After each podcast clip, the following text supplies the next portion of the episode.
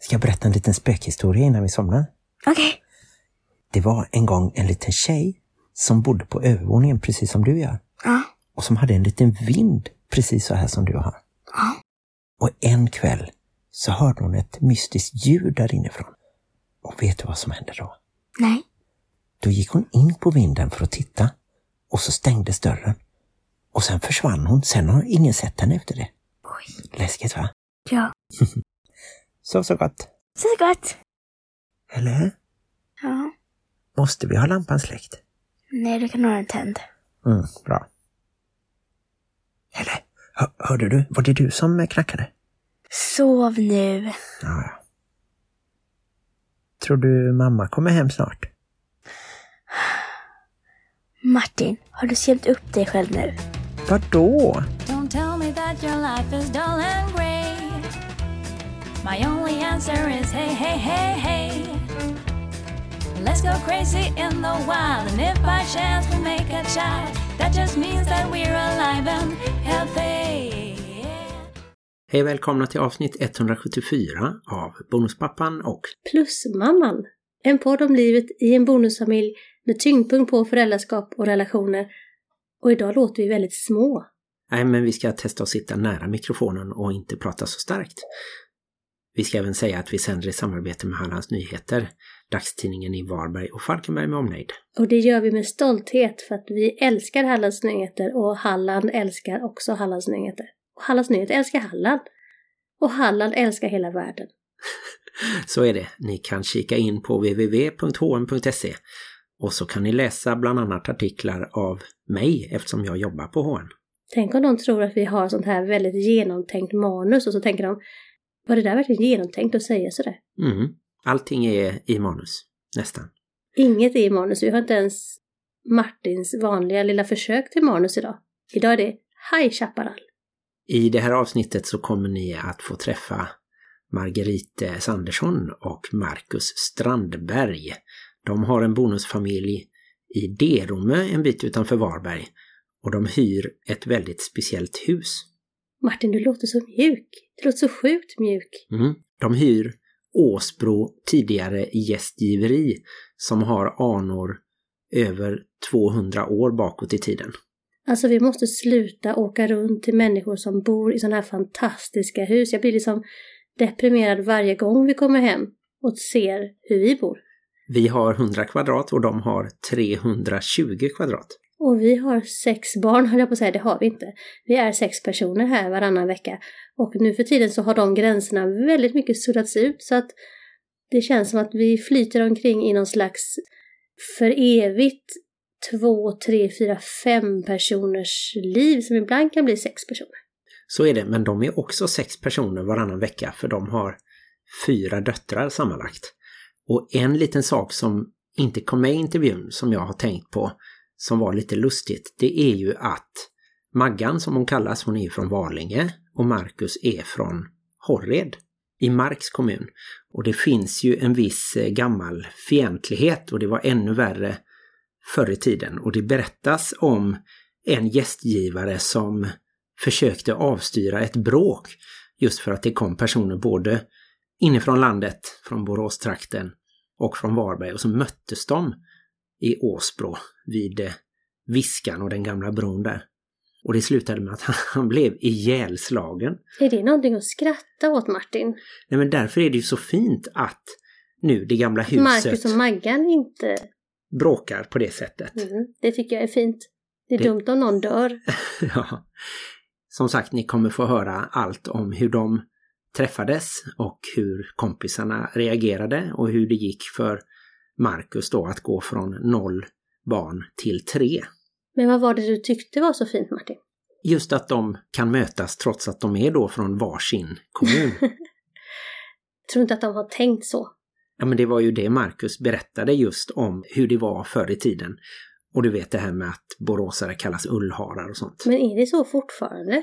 Kanske i vissa kretsar. Det kanske finns vissa sura varbergare som inte gillar att det kommer massa badgäster på somrarna. Men eh, jag tror att det håller på att klinga av.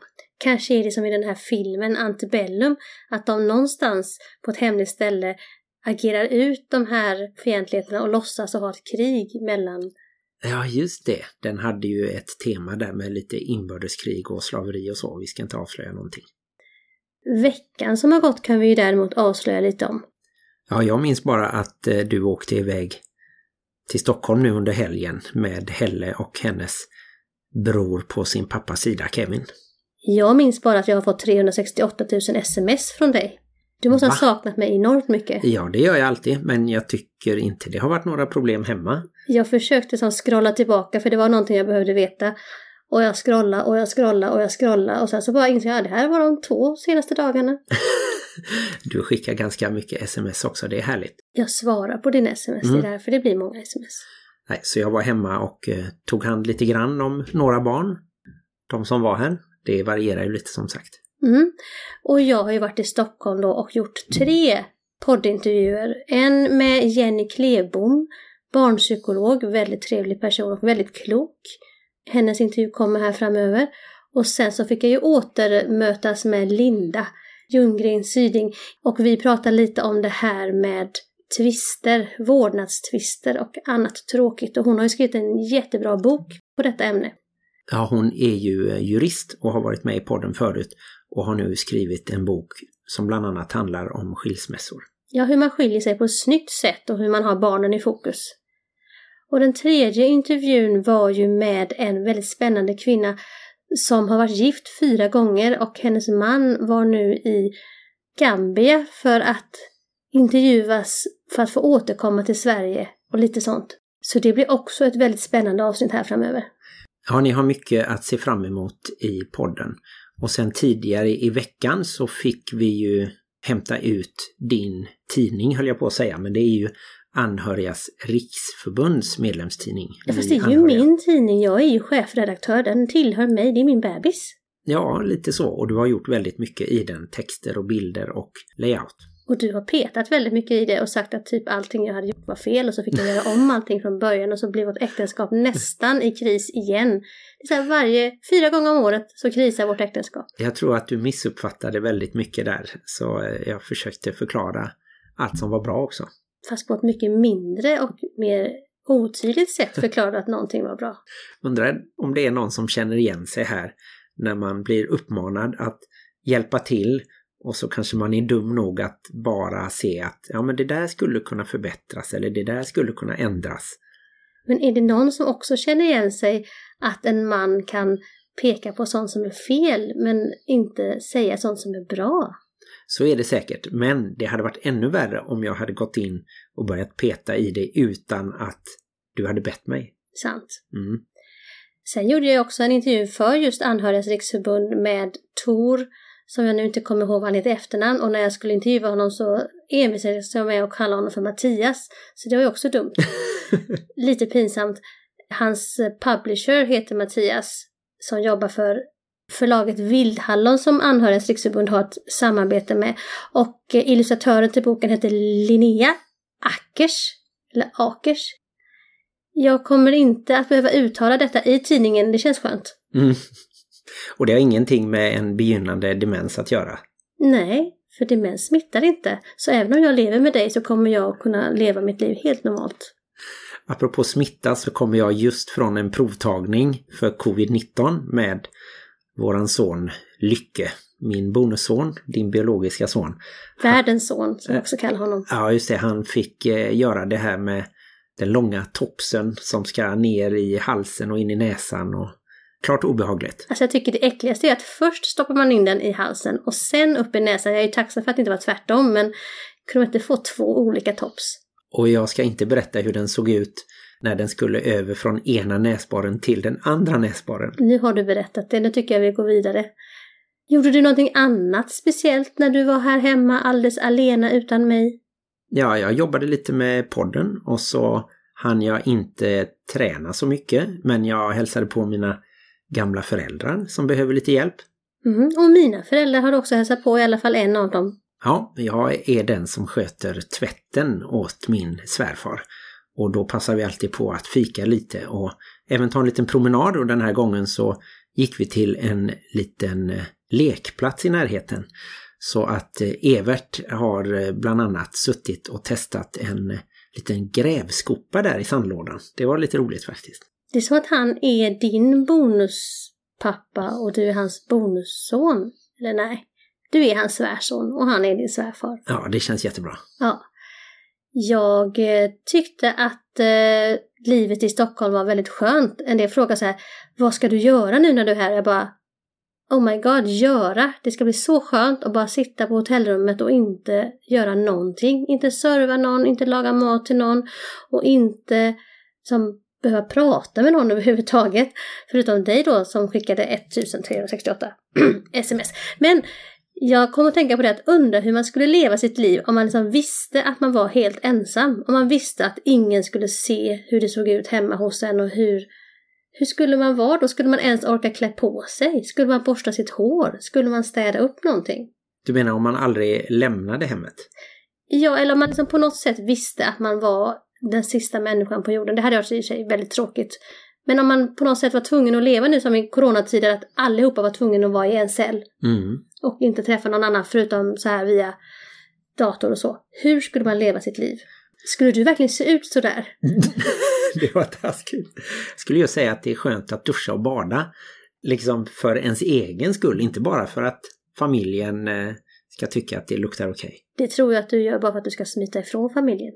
Det är sånt din eh, Min egen tid, den Ja. är i badkaret efter innebandyträningen. rekreationstid, flyktort, Mm. badkaret. Mm. Det vet jag att du tror. Nej men det tål att tänkas på för att jag tänker att mycket tänker man, ja, men det här gör jag för min egen skull. Men vad gör man egentligen för sin egen skull och vad gör man egentligen för andras skull? Och i en bonusfamilj, vad gör man egentligen för sin egen skull? Mm. Jag är ju redan lite dålig på vissa former av städning så att eh, det tror jag kanske hade blivit ännu sämre. Mm.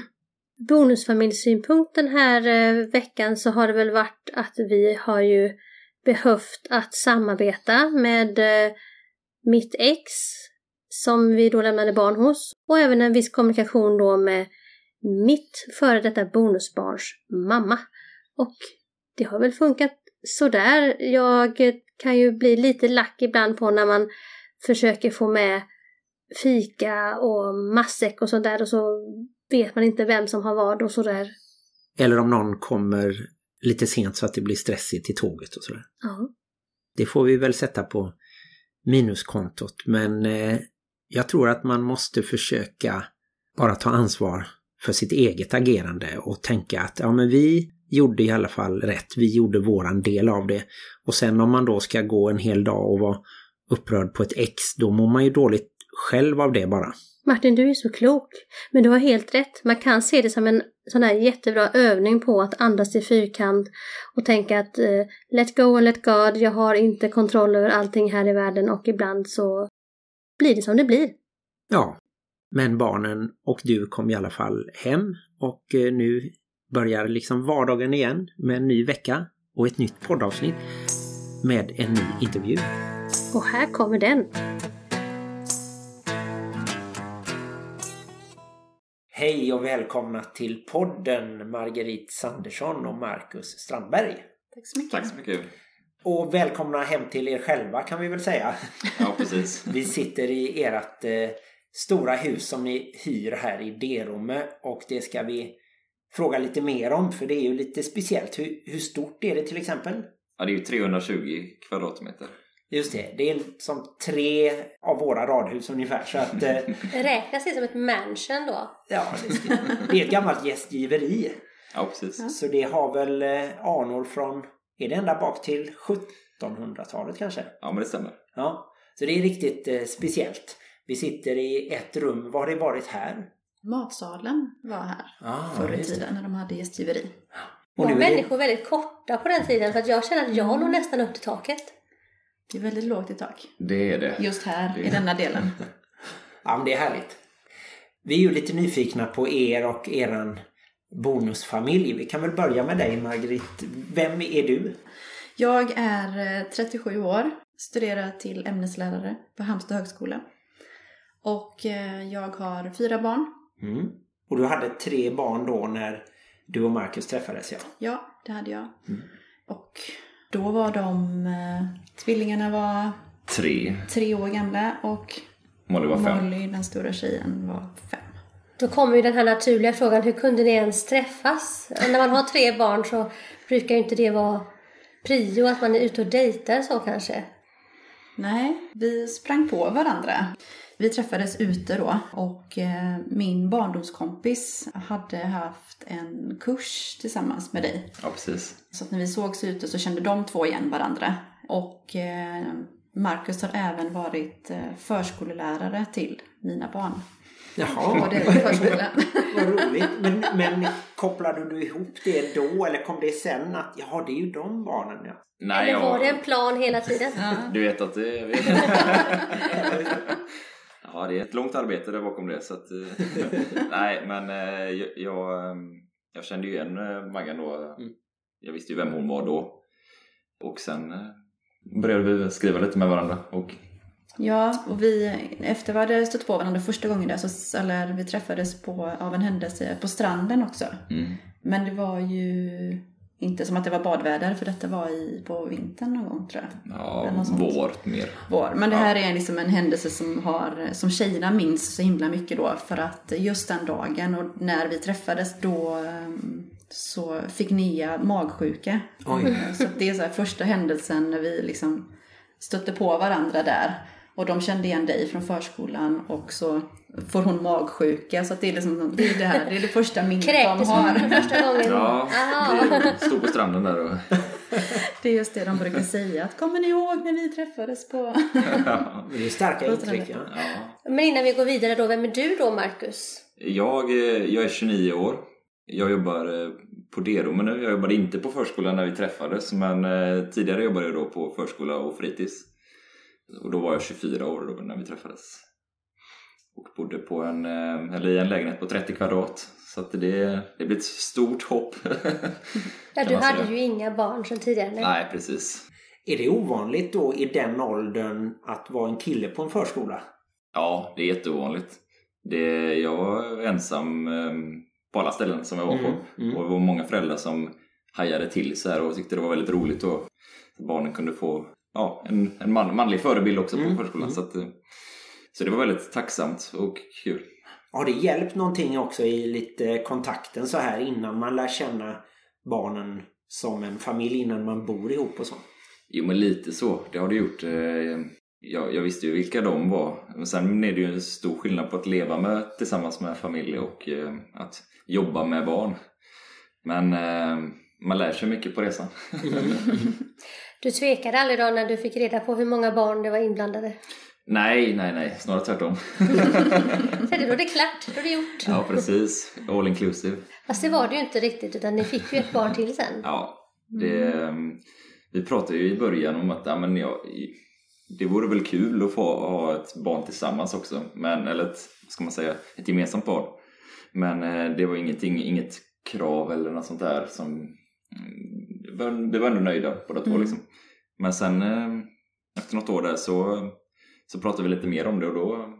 Ja, Jag började ju studera samtidigt också så det var också något sånt där som att skulle vi vänta tills jag blev färdig i så fall och då hade jag varit närmare 40 nästan Mm. och ja så att eh, det var lite åldern började helt plötsligt Ja. min ålder började helt plötsligt och spela lite roll där också. precis. Mm. Ja. Sen kom Meja. Ja, förändrade hon någonting, dynamiken i familjen eller liksom kontakten med de äldre barnen, hennes stora syskon och så? Jo, Det tror jag. ja. Ja. Nej, men det, det tror jag absolut. Jag läste någonstans att de här barnen som blir liksom i, gemensamma i en bonusfamilj kallas för klisterbarn. Jaha, ja. Och det tror jag lite så här. Hon har nog på något sätt klistrat ihop oss allihopa tror jag. Jo, men Ja, precis. jag tror hon, hon förändrade när hon, hon kom Mm, faktiskt. mm. Det blir ytterligare en sak gemensamt då Mm. för hela familjen. Ja. Mm. Och hur gammal är hon nu? Tre år. Tre år. Mm. Hade ni någon liksom plan så här att nu ska våran bonusfamilj se ut så här eller Marcus ska ha ungefär den här rollen eller löste det sig av sig självt? Nej, det, det gjorde det verkligen inte. Vi fick prata mycket tillsammans om, för vi, hade, vi kommer från två ganska olika uppväxter. Du är ute på landet på en bondgård Mm. och jag i ett radhus, också ute på landet visserligen, men eh, Men med lite olika, mm, vad ska man säga, uppfostran. Mm. Så det fick vi prata mycket om. Ja, Vad vi värderade och eh, och det är ju ett ständigt arbete, tänker jag, med uppfostran och så vidare. Att man, det behöver vi prata om hela tiden, hur man ska göra i vissa situationer precis. och inte. Har du fått en annan förståelse för Maggan nu när du själv har blivit biologisk pappa än du hade innan, tycker du? Ja, verkligen. Det är något som verkar ganska enkelt vid sidan av och det är enkelt att påpeka saker men sen eh, när man ska utföra det själv så, så behöver man hela tiden vara medveten om vad man, eh, vad man gör och vad man säger och eh, hur det påverkar henne, Meja då långsiktigt. Och, så att det är ju en helt annan sak. Så visst har man mer förståelse för, för hennes, eller för Mm. Maggans roll. Mm. Jag blev lite nyfiken på om ni har med er hemifrån någon erfarenhet av att leva bonusfamiljsliv och så. Nej, Nej, det har vi inte. det var någonting nytt i våran familj. Mm. Alltså om man tänker i min, min familj bakåt. Ni kommer från kärnfamiljer båda två alltså? Ja. Ja. Mm. Och du växte upp i de här trakterna kan man säga då, eller? Eh, ja, i Valinge som ligger eh, ja, en cirka mil härifrån. Ja. Skulle jag säga. Så det är ändå Mm. utanför Varberg, eh, precis som Derome. Ja. Och Marcus, kom du lite mer inifrån Marks kommun då? Ja, Ja, precis. Horred. mm. Så jag, jag är utomsocknes. ja. Mm. Och vad tyckte du att den stora skillnaden där var lite i, i familjekultur? Går det att sammanfatta? Som du sa att man kommer ju in med, med det som man är van vid Mm. hemifrån och så. Ja men precis, vi är ju fyra, jag och mina syskon är fyra barn på fem år.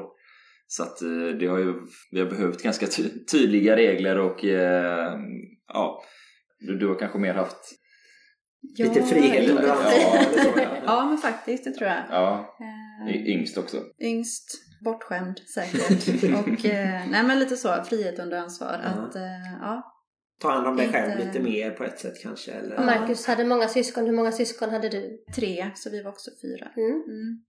Men under ett större spann. Det skiljer 12 år på mig och min eh, stora syster som är äldst då. Då är ni ändå vana vid att ha fullt ös hemma. Ja, det, Ja, mycket, mycket folk och mycket, Mycket människor. Det, det är vi ju liksom vana vid eh, familjemässigt båda två.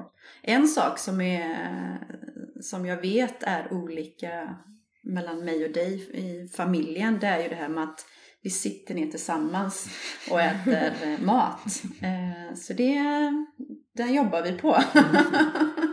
ja. Var är du i syskonskaran, Marcus? Eh, Jag är näst äldst, jag har en storebror, sen har jag två yngre systrar då. Ja, just det. Så eh, det där med tjejer, det, det var inget nytt helt. Sen bodde vi, vi var ju fem, eller sex personer då på drygt 90 kvadrat så att det, det vill ju till att man verkligen lyckades få ihop det liksom och samsas och så att det var väl lite utmanande kan jag tänka mig för, för mina föräldrar. Ja, just det. Ja. Hur har det blivit uppdelningen sådär? Tänker ni på det då om man ska kalla det uppfostran av barnen? Att, eh, kan du gå in Marcus också och sätta gränser eller vill du mer vara en vuxen eh, positiv person sådär medan kanske att Maggan är den som mer säger till barnen eller? I början var det ju mer så att jag kanske mer pratade med dig om saker och ting som jag reagerade på mm. Men eh, nu på senare tid så har man ju kunnat känna den tryggheten att man kan ju säga till om det är något som man tycker är fel. Men eh, Jag tror det blev i samband med att Meja kom. Då Mm. blev det nog mer att du tog ett steg mer in tror jag. Mm. Och alla ska ju behandlas på samma sätt liksom. Så Mm. att, eh, Och det är väl en fördel att man träffar då barnen när de är så pass små som fem och tre då. ja, precis. De minns väl inte Mm. jättemycket från livet innan kanske så. Tror inte Molly inte möjligtvis. Nea och Stella tror jag inte. Eh, Molly kanske. Jo men det tror jag nog. Molly minns Mm. nog men eh, de nedställda var ju så små så det... Mm. Nej, de pratar ju mer om tiden när vi bodde i, eh, i lägenheten. Mm. Och de tre äldsta bor varannan vecka hos sin pappa. Ja, Och han bor här nära. ja han bor också här i Derme. Men det är ju smidigt.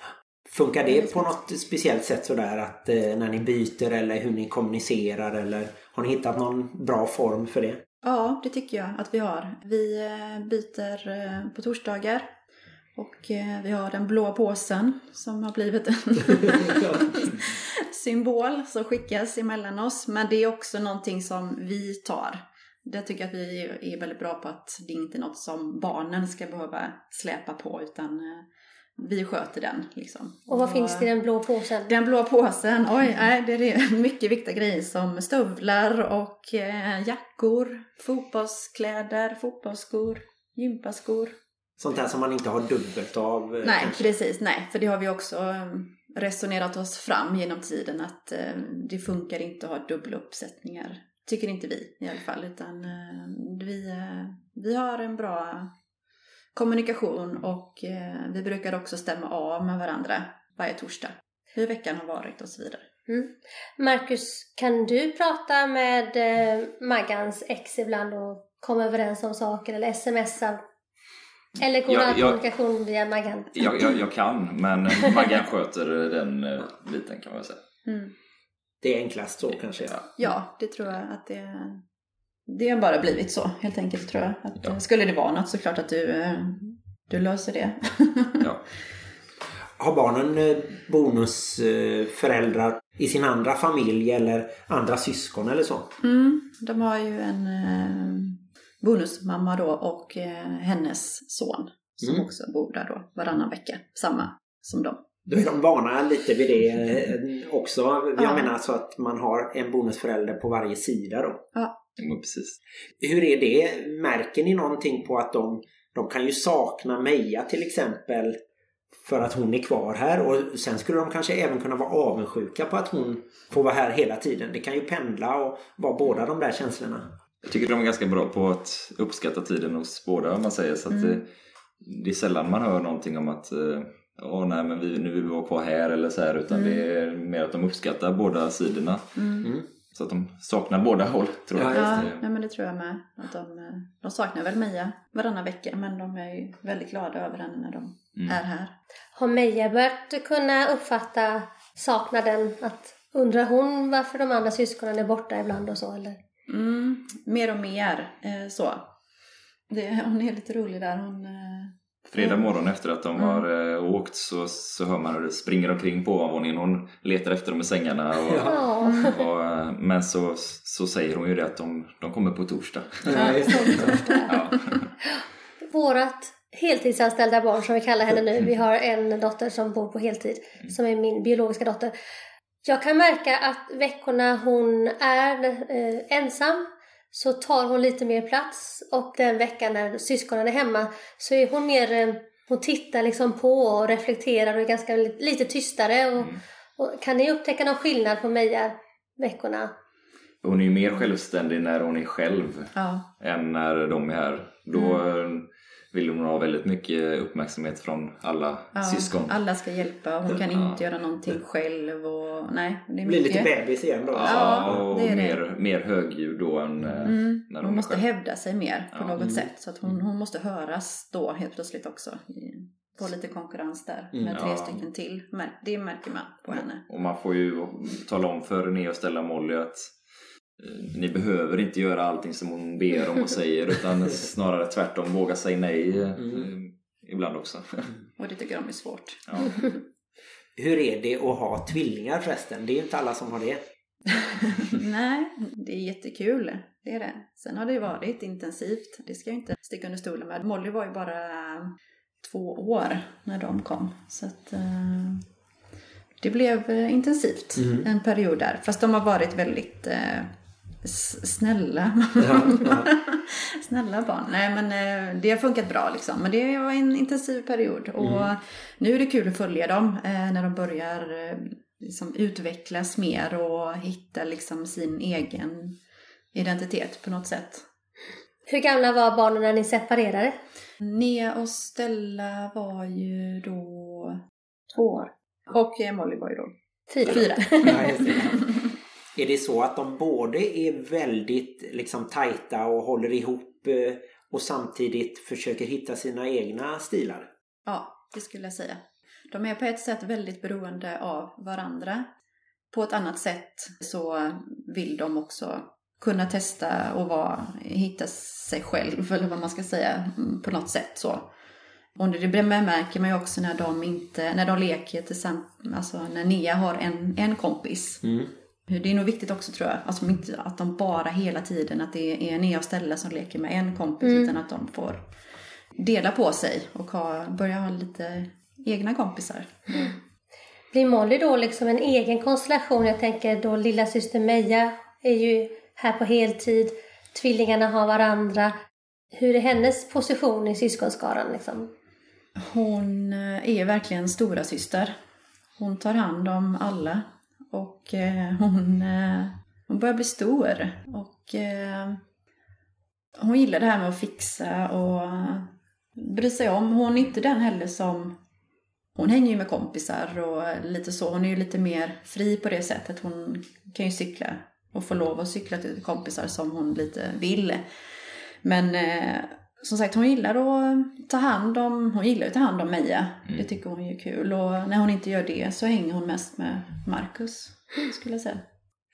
Om vi går in lite på eh, huset. eh, Detta är ju då Åsbro tidigare gästgiveri som har funnits här då alltså i 250 år kanske eller någonting.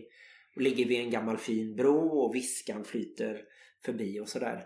Det måste ha varit stor skillnad att flytta då till 320 kvadrat från ett lite mindre hus då.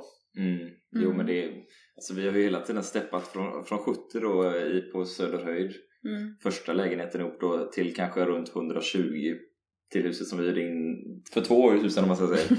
Och sen så till 160 kvadrat ungefär i föregående huset till 320 nu. Så det, det var ändå, jag tyckte ändå vi hade hy- hyfsat med ytor i förra, förra huset också men här, här är det är jätteskönt faktiskt. Ja. Det, Vad är det bästa? Är det badrummen som är det bästa eller? Ja, det är en, eh, det är en frihet för mig. Slippa ta, ta hänsyn till eh, ja, alla andra. Det är ju fem, fem tjejer och, och många kommer vara tonåringar samtidigt så att Ja. eh, då, då kommer det behövas tre.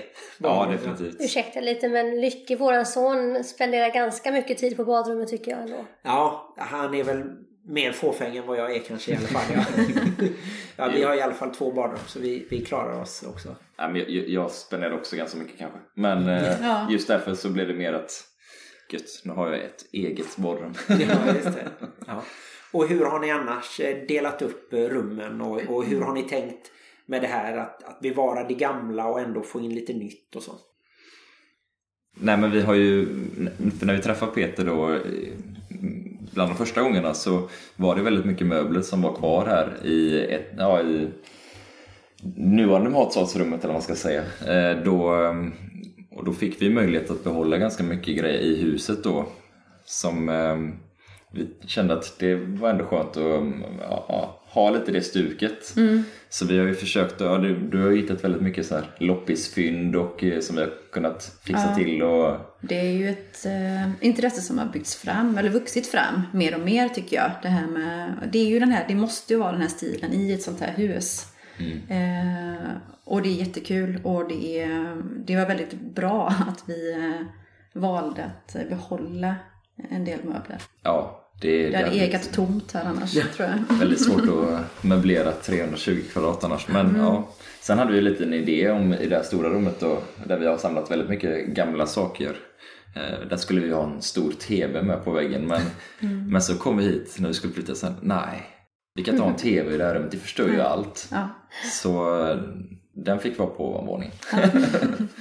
På tal om att eka tomt, det måste ju vara en viss skillnad då den veckan ni bara är ni tre. Blir det väldigt tomt här då på de här dryga Ja. 300 kvadraten? Ja, eller det blir tyst. Fast så kanske det är, oavsett vart vi har bott, så har ju alltid det blivit den här tystnaden varannan vecka. Alltså så. Men, Men är här det- blir det ju, Är det en skön tystnad eller är det en läskig tystnad? eh, det är en tystnad som eh, man eh, får lära sig att leva med, skulle jag säga.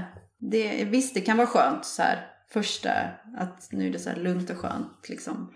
Men man börjar längta efter det ganska så snabbt. Jag hörde om en eh, natt när det inte var så tyst. Det var väl Marcus som skulle sova här själv med bara Meja. Var, Ja, det, var det andra natten eller något? Ja, Vad hände då? Nej, vi hade precis gått och lagt oss och eh, vi, Meja brukar ju sova själv i sitt eget rum men eh, det var ju som sagt andra natten då så jag och Maggan var iväg i Göteborg med en kompis. Så då tyckte jag att men det skulle väl vara mysigt om vi kunde somna ihop. det var nog mer för min egen skull än för mig tror jag. så skulle vi precis somna och det var mörkt. Och jag ser hur det liksom det lyser upp på gården. Det kommer en bil och jag tänker, men undrar vem det är så här sent på kvällen. Men den vände och så åkte den ifrån och då, det tyckte jag var lite knepigt sådär. Ja. Sen så hör jag hur det bara smäller i dörrarna på andra våningen. Och jag tänker bara, nej men herregud, ska det vara så här? Så alltså det, det var nog för att... poltergeist eller något. Ja, nej, jag, jag tror verkligen inte på spöken men där och då kände jag oj nu är det någonting. Det är någon som inte vill att vi ska bo. Men ja, jag var livrädd. Ja. Och så tänkte jag nej, jag, somnar jag nu så är det bra för då, då, då är jag inte medveten om vad det som händer när jag sover. och eh, dagen efter så gick jag upp på andra våning och då... Du kunde ändå somna, det är ju fantastiskt. Ja. Jo men det är någon sån här konstig reaktion jag har när det händer saker. Då vill jag bara blunda för det för då vet jag att det, det händer inte. det, ehm, men så gick jag upp dagen efter och då hade jag glömt att stänga ett fönster då, så det, och det blåste väldigt mycket ute så att det hade ju sin förklaring. Det. Det är inga spökberättelser härifrån då som ni har fått höra av andra kanske?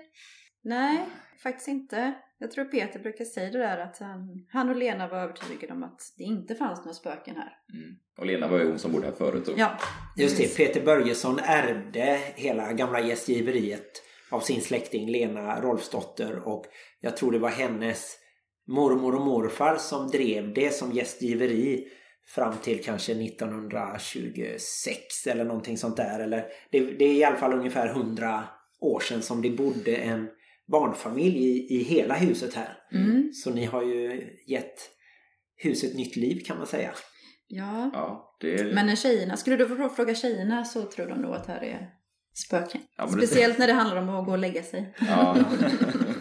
Och de ska somna i sina egna sängar var någon regel va? Ja, det har vi sagt. Att eh, man somnar i sin egen säng och sen är det helt okej att eh, gå och lägga sig i någon av syskonens säng om man Och det, det. händer ofta? Det eller? händer alltid. Hon ligger en hög på morgonen. Ja. Ja, det är gulligt, gulligt. Jag tänker också när det är sånt här stort hus, är det inte jobbigt att städa? Ska du svara på den Marcus? Nej men det mm, tror jag du kan göra.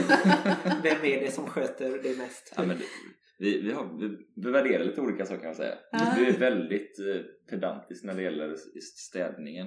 Jag tycker om att ha ordning och att det inte ligger saker på golvet och sådär men du går och torkar och håller på hela tiden. Du hittar något hela tiden verkligen. Och det, ja, du ser det kan man säga. Ja, ja precis. Nej men det, det tar tid att städa. Man får göra Gör man- lite varje dag kanske nästan. Ja, men jag försöker att göra det en gång i veckan för att det ska hållas liksom efter. Och allt som allt tror jag, om man börjar så tar det nog ungefär sex timmar. Mm. Oj. Eh, Men jag tyckte ändå det var schysst i julas. Jag köpte en julklapp till dig. En, eh, Ja. Eller till dig, till oss. ja, precis. En robotdammsugare. Funkar det med det är inte att den kan komma in i olika rum och så till och med? Eller? Ja, det skulle jag kunna göra men vi, vi, vi brukar isolera den i ett rum i taget när vi använder den då. Mm, mm. Den är smidig. Ja, det är. Den var till oss, inte till dig. Och sen tänker man ju också på att det måste vara väldigt dyrt att, att ha ett sånt här hus då. Även om det inte är ni som äger det. Men, och, och bara elen och sådär. Och Hur funkar det? Jo, men vi var ju lite rädda i, i början att det skulle vara väldigt dyrt.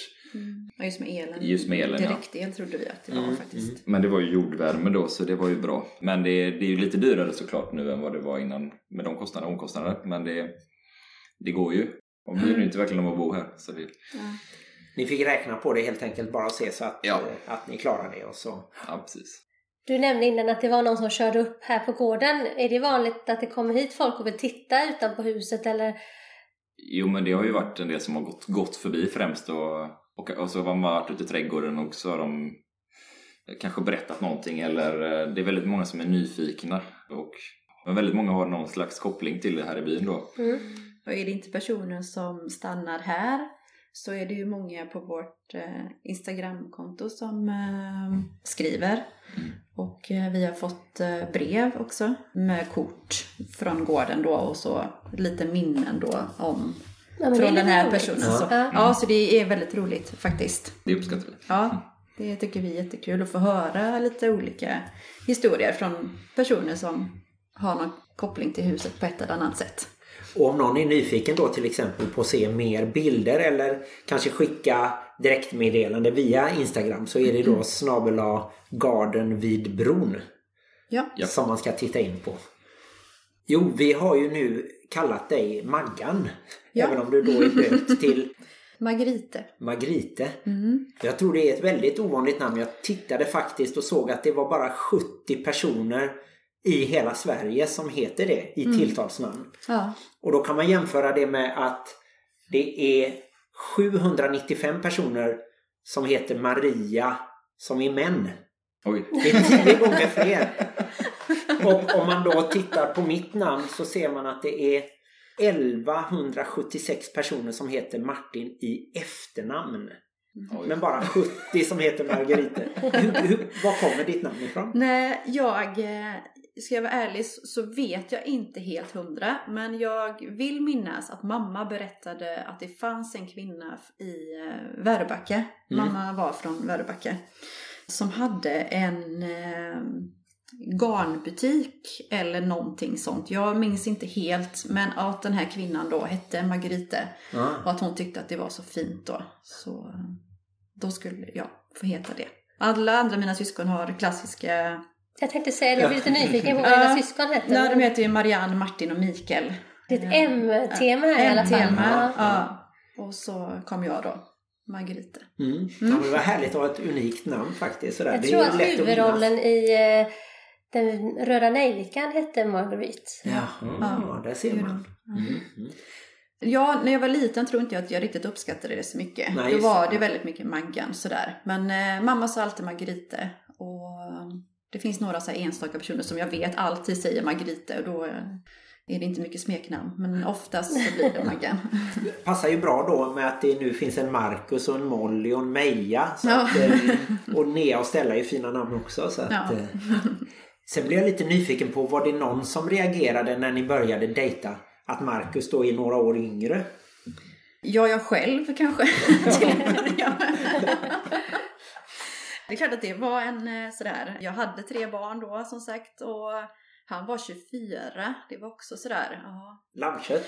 Ja, det var det. Jag hade en överläggning med min kompis innan att eh, ska det här verkligen liksom, ja, Ja, du vå- du- vågar man det här? Du sökte på Marcus Strandberg Ja, i. Varberg. Ja. Det fanns en till och han var ett år äldre. Ja, så det var så ja, det är skitsamma, då, det får väl bli bra då. En av dem är det liksom. Så ja, det är klart att det vägde ju in lite. Mm. Just det där med att eftersom det var ju en familj jag hade och en 24-åring in på det. Så, Och som inte hade barn då? som inte kanske? hade barn heller. Nej, precis. Men det har aldrig varit någon, några konstigheter om det mellan oss. Att du är så pass yngre än mig. Sen vad allmänheten tycker.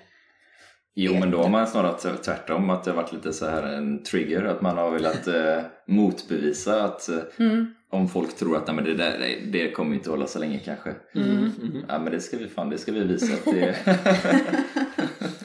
Det var lite som vi hade ju med Linus Söderberg för några avsnitt sen, avsnitt 169. Ni är ju lite kollegor för att ni är fotbollsdomare båda två. Ja precis. Är det någonting med fotbollsdomare som gillar äldre kvinnor? Jag vet inte. med men barn? med många barn? Det blev ju så. Hans fru är ju ytterligare lite äldre men hon hade ju också tre barn när de träffades och sådär. Och där var nog reaktionen bland en del av hans kompisar att Jaha, men varför träffar du en trebarnsmamma som är tio år äldre eller sådär? Jag vet inte om det var någon av dina kompisar som också tyckte ungefär att Jo men lite så kanske folk, inte riktigt så men man kanske det undrar lite, alltså hon är sju år äldre och hon har tre barn. Det är väldigt, kanske ganska ovanligt att, Mm. när man är så ung. Mm. Men jag har inte riktigt tänkt på att det skulle vara så konstigt. Jag vet att det är annorlunda men det kändes bra. Du kanske har en gammal själ eller du kanske är Ja, mogen, precis. liksom, Nej, men han är ju fotbollsdomare. Ja, det är ju det. Det är det som är grejen. Nej men också Ja. som du sa så tror inte jag det är så många, nu kanske jag generaliserar, men eh, en 24-åring som går in i det här då och också då direkt resonerar på det där sättet som du sa innan. Att jag är villig liksom att vi behöver inte skaffa några gemensamma barn Mm, utan jag mm. kan, eh, jag kan stå över den Mm. för oss. Så ja, en eh, mogen själ i en fotbollsdomare. Det, det är bara en fasad. ja. Men, men kan du Marcus tycka att det till och med var en fördel att du inte hade barn? För då, då skulle ju du också ha haft med dig något barn som skulle komma in och då skulle du också ha haft ett ex eh, där skulle funnits en, en biologisk mamma som skulle ha behövt vara med lite i, i ytterkanten också. Jo, men det är klart att det, det hade ju... Pusslet hade väl blivit ytterligare några bitar större då. Men, eh, men sen som sagt, jag har ju fotbollen och den tar ganska mycket tid. Så det var ju också en av grejerna som du fick ta hänsyn till om du ville gå vidare Mm. med detta Mm. eh, innan du presenterade mig för dina barn och sådär. Skulle det funka? Mm. Att jag borta ganska mycket med det. Det är division 1 så det är en del resor och så ja. Ja, precis. Så jag har ju dömt ganska mycket med Linus då som du träffade innan. ja. Mm. Vi känner varandra bra. Ja, vad kul. Har ni pratat något om liksom det här bonusfamiljlivet också då? ja? Ja, framförallt på kanske på, vi hade någon kurs tillsammans där jag berättade då om Maggan. Mm. Och han, jag visste ju att han hade erfarenhet av det då. För, och det, det blir ju ett gemensamt ämne. Ja. ämne så att, eh, Ja. Man frågar väl kanske mer om hur går det med familjen än hur, hur, går, hur har det gått för dig i dina matcher. Ja, Ja, har du fått eh, något gult kort någon gång när det har varit eh, något som ni har bestämt som inte har gått som Ja. det skulle? Kanske, ibland får man säga. Nej. Nej men det, det, det har ju, alltså ska man se det så, så har det ju påverkat mig i alla fall väldigt mycket. Jag har ju blivit mognare på plan sen jag träffade dig. Innan så såg jag kanske mer saker svart och vitt men det finns ju någon gråzon däremellan också, tydligen. Som jag har fått lära mig. och det, det har ju underlättat för mig i dömandet också. Hur är det? Har fotbollsintresset funnits i familjen innan eller har det kommit in eller har det liksom ökat lite? I min familj innan så har det ju alltid funnits fotbollsintresse. Jag har spelat fotboll själv. Och innan du kom in så, så var vi sportintresserade i min familj också. Och jag också. Men det är klart att det har blivit mycket mer fotboll och det har blivit mer domarintresse skulle Ja. jag säga. Ni är inte sådana som sitter och annat- skriker åt domaren på matcherna Nej, jag. nej, utan eh, man lär sig ett annat perspektiv. Mm. Det var ju senast nu häromdagen, då hade du kommenterat en grej på, var det via Play? Via play, ja. Det var ju, ja men kommentatorerna använde sig av felaktiga begrepp i, enligt regelboken och sånt där kan störa en domare. Ja, Och eh, nu har det till och med börjat störa dig. Och det, Ja, härligt. det tycker jag, och då får jag meddelande från mina kompisar. Är det du eller är det Maggan som skriver? Ja, men det är väl härligt att ha ett gemensamt intresse så faktiskt ju. Ja, och det har ju blivit att vi eh, antingen åker jag och Meja med eller så åker vi med allihopa, de stora tjejerna är här också. De tycker ju det är lite coolt sådär att Marcus är på planen och vart han är och sådär och så. Så det, det blir bara, ofta att vi varför åker gör med. inte Marcus mål? Nej, precis. Nej, men det, det säger Meja till och med att pappa han dömer fotboll. Ja. han, sen om hon vet vad det innebär, det vet jag inte. Men Jag tror att vi kan eh, avsluta med att bara fråga hur ni ser på bonusfamiljen nu de närmaste kanske 5-10 åren. Vad har ni för förväntningar? Oj, vi står för en jätteutmaning här med tre stycken tonåringar snart tror jag. Så att eh, då ställs nog bonusfamiljen Ja, på prov samma krafter. Men eh, man lär sig hela tiden. Och man utvecklas hela tiden. Så det finns nog inget att man blir färdig. Och det spelar nog ingen roll om man bor i en kärnfamilj eller en bonusfamilj tror jag. Nej, och vi, vi, vi jobbar, eller, jobbar mycket på liksom, att de ska känna sig trygga och våga prata med oss om det är någonting. Och, eh, Ja, det, är väl, det är väl det viktigaste som du har sagt, sagt till mig i alla fall från dag ett att den dagen det händer någonting så ska de kunna komma och, och prata, prata om det. ja, Helt men- enkelt. Så det är ju ett lång, långt projekt som... Mm. Men det grundlägger man nog eh, nu. Mm. Just det där förtroendet och att de vet att bara man är ärlig liksom och kanske erkänner att man har gjort något dumt eller sådär. Då får man inte skäll utan då, då kan man få beröm för att man berättar det istället. Precis. Ja, och sen har en tanke som alltid har varit sen man separerade, det var ju liksom det här att vi, alltså, det kommer gå upp och ner, det kommer finnas liksom motgångar och liksom sådär och man hittar sin väg och det ska liksom vara, när tjejerna tar studenten liksom, då ska vi då ska vi vara där tillsammans allihopa. Så så är det. Härligt. Ja. Då får vi tacka för att vi har fått sitta här i, i ett av de många rummen och, och prata bonusfamilj. Och som sagt, ni som vill se fler bilder kan gå in på Instagram, Garden vid bron. Eller så kan ni ju titta på våran Instagram så kanske vi lägger ut någon bild där också. Bonuspappan.plusmamman. Tack så mycket för att vi fick komma hit. Tack själva. Tack själva. Tack.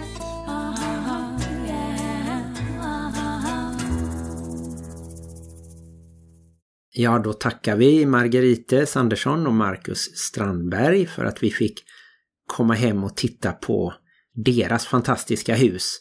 Alltså det de hyr i Derome, här bara en bit ifrån Varberg. Maggan och Mackan. Ja, just det.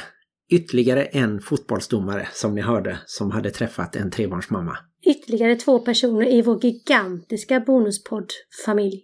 Det är härligt att vi hittar eh, nya personer att intervjua och alla har mycket kloka saker att säga och dela med sig av. Alltså nu skulle vi ju inte ens kunna träffa allihopa på en gång ifall det hade varit möjligt. Alltså rent fysiskt går ju inte det att vara så många människor på ett ställe. Hur många tar Friends Arena egentligen? Ja, just det. Jag tittade faktiskt i samband med att vi fick ett mail från en lyssnare som ville höra alla avsnitt. Det är ju så att på Spotify och iTunes och Acast och många andra ställen där visas de 150 senaste avsnitten.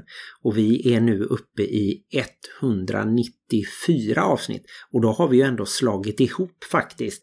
Det är egentligen ytterligare 20 avsnitt men några är då ihopslagna till långa avsnitt om tv-serien Bonusfamiljen och väldigt många avsnitt har lagts ihop till ett långt om sorgbearbetning. Mm. Och i en del avsnitt så är det ju fler än en gäst som medverkar. Mm. Men man kan alltså höra alla avsnitt om man går till Castbox, alltså C-A-S-T-B-O-X. Castbox, det finns både som app och en eh, sajt som man då kommer åt via alla webbläsare, Safari och Chrome och Firefox och så. Och där kan man alltså börja från allra första början. Jag vet inte om vi ska rekommendera det. Jag vet inte om det är mer skrämmande än eh, härligt egentligen. Men eh, jo, varför inte? Det är ändå kul, men ni får ju ta några veckors ledigt från jobbet. Man kan ju i alla fall gå tillbaka och hitta spännande personer då som vi har intervjuat och där de bara finns på Castbox just nu. Finns nog med till exempel Emma Knyckare vet jag inte om vi har återutgivit. Hon finns med där i början. Men hon kan väl snart vara med en gång till? Hon Ja. är ju så närgången höll jag på att säga. Hon är så närboende menade jag. Hon bor ju här omkring någonstans. Hon bor i Göteborg men hon är uppvuxen i Rolfstorp och det tillhör Varbergs kommun också. Göteborg är ganska nära. Ja, Ja, men det var väl dagens avsnitt och i nästa avsnitt så vet jag inte vad som händer. Vet du vad som händer i nästa avsnitt Martin? Nej, då kanske vi har en spännande diskussionsfråga som någon av er har skickat in antingen på mail till bonuspappan.plusmamman snablagmail.com eller som DM eller PM till våra sociala medier. Ni hittar ju oss på Instagram, bonuspappan.plusmamman och på Facebook, bonuspappan och plusmamman. Och där zonade jag ut lite, men jag tror att du slutade på Facebook och där har vi också Bonusfamiljernas diskussionsgrupp där ni kan ansöka om medlemskap och skriva era tankar och funderingar. Och vi har ju fått en del frågor som gäller ekonomi. Jag vet inte om vi ska gå den vägen nästa vecka. Klarar vårt äktenskap det? Det tror jag, men eh, vi har ju pratat om det förut också så det gäller i så fall att vi hittar en ny färsk vinkel. Jag tänker ju att det är så att det är några som har kommit in nu som inte har varit med alla 178 avsnitten. Mm. Möjligtvis att vi kan prata om hur det blir när tonåringarna blir vuxna och kanske går ut ur gymnasiet men bor kvar. Inte kanske pluggar utan jobbar och får en egen lön och sådär. Hur mycket ska de betala hemma och ska de ta mer ansvar och lite sådär kanske. Ja, precis. Och kan man verkligen vara 26 år och bo varannan vecka? Nej, Jag tycker ju att det ska vara 25-årsgräns för det hade jag och min brorsa. Det fick vi veta tidigt att It was eh, good enough for my father and it was good enough for me. det är en klassiker. Hör gärna av er som sagt och eh, tack för att ni har lyssnat. Tack, tack. Glöm inte att livet i bonusfamiljen kan vara besvärligt. Men också härligt. Hej då! Jag glömde, det var någonting jag skulle säga men du pratade så länge där om alla våra sociala medier så jag, jag kom helt av mig. Vad kan det ha varit? Ja, antingen så får vi lägga in det i introt eller så får du ta det nästa gång. Men tänk om jag aldrig kommer på det? Då kommer det för alltid att vara borta i den stora vindlingen som är mitt sinne. Eller så får vi fortsätta prata nu ända tills du kommer på det. Vad pratade vi om innan du sa att man skulle höra av sig till alla sociala medier? Att vi hade gjort 193 avsnitt och Emma Knyckare hade varit med i början och Nej, det är för alltid borta. Rolfstorp. Tyvärr, så går det när du pratar för mycket.